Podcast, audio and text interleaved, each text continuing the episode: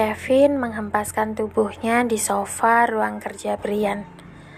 Matanya menatap kosong ruangan yang tidak ada siapa pun.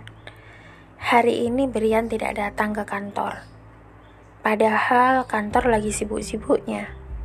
Semenjak orang tua Brian meninggal dan perusahaan dipegang oleh bayi tua yang bernama Brian itu, perusahaan menjadi tak beraturan. Jika saja Kevin bukanlah salah satu kerabat Brian, mungkin dia malas untuk membantu mengurus perusahaan peninggalan keluarga Brian. Baru saja mata Kevin terpejam karena lelah. Tiba-tiba saja dia dikagetkan dengan suara pintu yang terbuka. Assalamualaikum. Brian memberi salam pada Kevin yang seharusnya Brian tahu kalau Kevin bukanlah seorang muslim. Mata Kevin terbelalak ketika melihat yang datang adalah Brian dengan tampilan yang berbeda. Kevin berdiri dan menatap Brian dari ujung rambut sampai ujung kaki berkali-kali. Menyadari ada suara cekikikan karyawan yang menertawakan Brian karena tampilannya yang gak seperti biasanya, membuat Kevin cepat-cepat menarik tangan cowok yang sudah dikenalnya dari kecil itu untuk masuk ke dalam ruangan dan menutup pintu. Lo ngapain sih?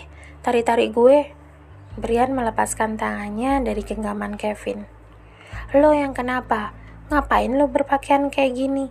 Kevin menunjuk Brian dari ujung kepala sampai ujung kaki. Ini namanya baju muslim kok Kevin. Iya gue tahu, tapi sejak kapan lo pakai pakaian kayak gini? Lo lebaran aja nggak pernah gue lihat pakai pakaian beginian. Lo tobat, apa nggak waras sih? Heh, sembarangan kalau ngomong. Lo sendiri yang bilang kalau cewek model Aisyah nggak bisa gue deketin dengan gaya gue. Dan gue yakin dia suka dengan cowok yang dandanannya kayak gini. Anak santri. Brian berkaca pinggang dan menaikkan kedua alisnya. Kevin semakin geli melihat Brian. Peci putihnya yang kekecilan, di ujung rambutnya yang jabrik, lebih mirip jepit suster perawat rumah sakit. Baju muslim yang ketat dengan lengan yang digulung dipadukan dengan sarung setinggi lutut yang tak beraturan bentuknya. Melihat Brian seperti itu, bukan seperti anak santri, melainkan seperti bapak-bapak juragan kontrakan yang suka ngecengin penghuninya. Hi, Kevin tiba-tiba bergili-gili. Kenapa lo? Lo ngejek gue? Ampun Bri, sumpah. Bukannya gue mau ngejek lo, tapi lo nggak cocok banget pakai begituan. Ntar Aisyah bukannya mau deket, tapi lari lihat lo kayak gitu. Gaya gue salah, gaya ini salah. Mau lo apaan sih? Ide lo nggak salah, Bri tapi tampilan lo ini, aduh. Lo inget gak sama Fikri, teman kita pas SMA dulu? Iya gue inget. Dia kan anak santri tuh. Ganteng kan dia? Bajunya rapi, topinya juga rapi, sarungnya juga rapi, ada lipatan tengahnya gitu. Nah, lo pakai sarung jejer genjang gini gimana ceritanya anak santri model beginian? Mendengar penuturan Kevin, Brian segera pergi menuju cermin di ruang ganti pribadinya. Lama dia bercermin dan tiba-tiba saja Brian membuka ponselnya dan membuka YouTube. Tutorial memakai sarung ala santri. Kevin memperhatikan Brian yang berusaha dengan keras untuk memakai sarung agar rapi, tanpa sadar sampai ikut-ikutan gerakan Brian yang aneh yang ke belakang, lutut maju, dagu menjepit sarung, dan entah apa lagi. Vin, Vin, lu bantuin gue, Vin. Setelah lama berusaha, akhirnya Brian meminta bantuan Kevin juga. Kevin segera menghampiri Brian. Lo pegangin bagian tengah gue. Tanpa berpikir panjang lagi, Kevin segera memegang bagian tubuh tengah Brian. Bukan di situ ontong, di dada gue dada. Brian segera protes ketika tangan Kevin hampir saja mendekati area zona merahnya. Lo sih bilangnya nggak jelas. Lo aja rusuh. Udah nih. Setelah Kevin memegang bagian tengah antara dada dan perut Brian, cowok tampan yang berusaha menjatuhkan harga dirinya sendiri ini segera melipat sarungnya dan akhirnya berhasil dengan rapi. Brian juga merapikan baju muslimnya tanpa melipat lengannya ke siku seperti biasanya dia memakai kemeja. Sekarang gimana? Tanya Brian. Oke, lumayan lah. Tinggal pala lo tuh jangan kayak suster ngesot. Oh iya ini gue punya yang hitam juga. Brian segera mengambil kopiah hitamnya dan memasang di atas rambutnya. Karena takut kopiah merusak rambut kesayangannya yang jabrik. Kopiah sengaja dipasang sedikit melayang dari kepalanya. Kopiah di atas rambut bukan di atas kepala sekali lagi Kevin menghela napas hilang kesabarannya dan segera menekan kopi Brian hingga sebagian rambutnya turun membentuk poni. Nah gitu, baru anak santri. Kevin akhirnya puas dengan bantuan terakhirnya untuk Brian. Serius, kegantengan gue gimana? Aman? Bukan aman lagi, muzizat. Alhamdulillah, Akhirnya, setelah 20 tahun menyandang agama Islam, baru kali ini Brian menjawab pujian dengan benar. Kevin tidak tahu harus sedih atau bahagia melihat saudara jauhnya ini akhirnya bisa bertobat. Meskipun Brian melakukan semuanya ini dengan tujuan untuk balas dendam. Semoga benar-benar ada hidayah dalam kehidupan Brian. Amin, batin Kevin lalu menyilangkan tanda salib di wajahnya. Mereka memang berbeda, tapi keluarga mereka saling mendukung satu sama lain.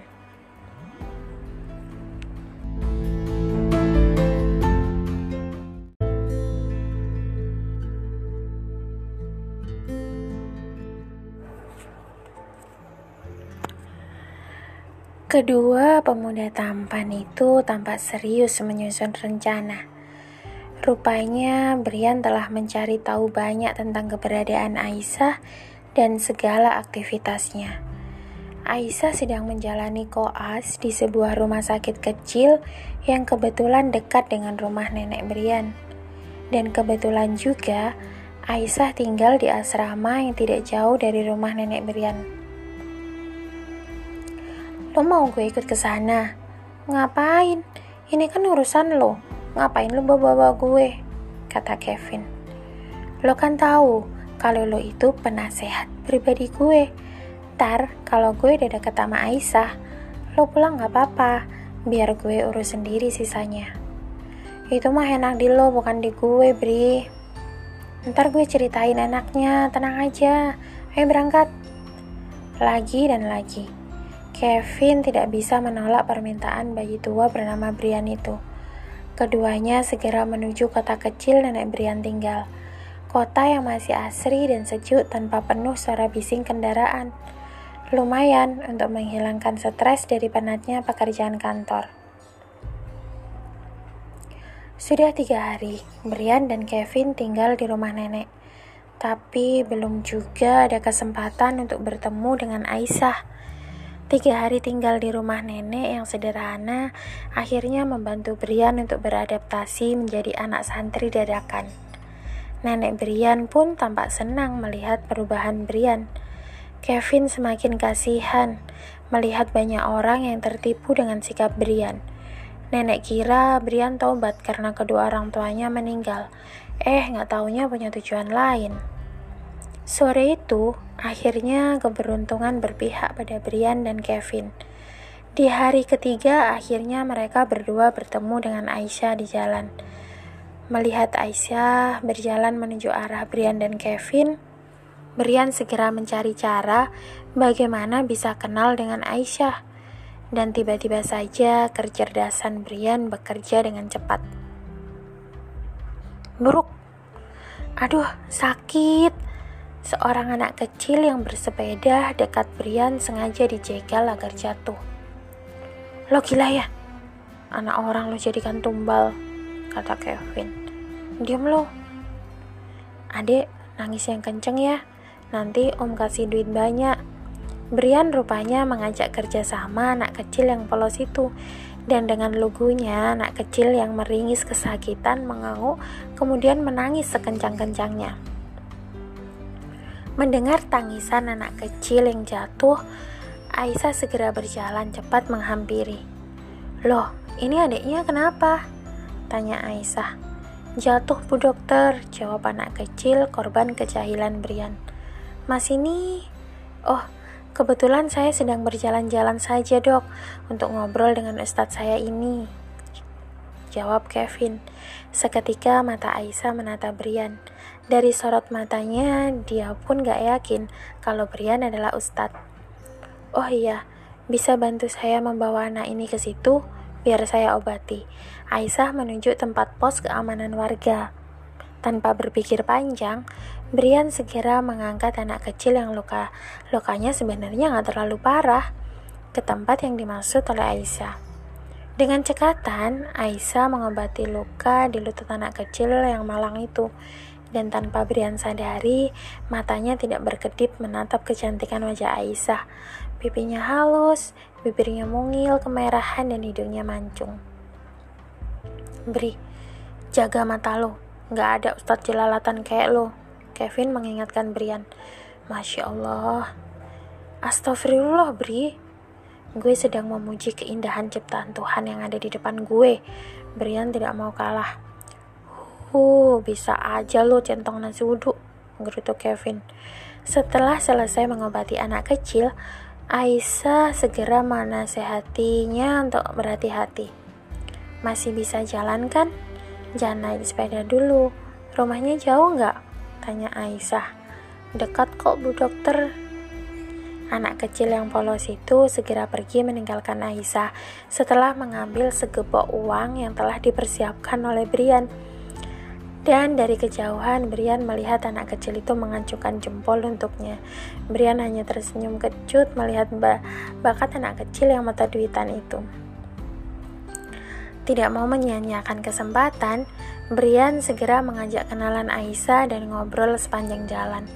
Meskipun dari raut wajah Aisyah tampak sekali dia merasa sedih risih dengan tampilan Brian yang gak sesuai dengan gaya bicaranya.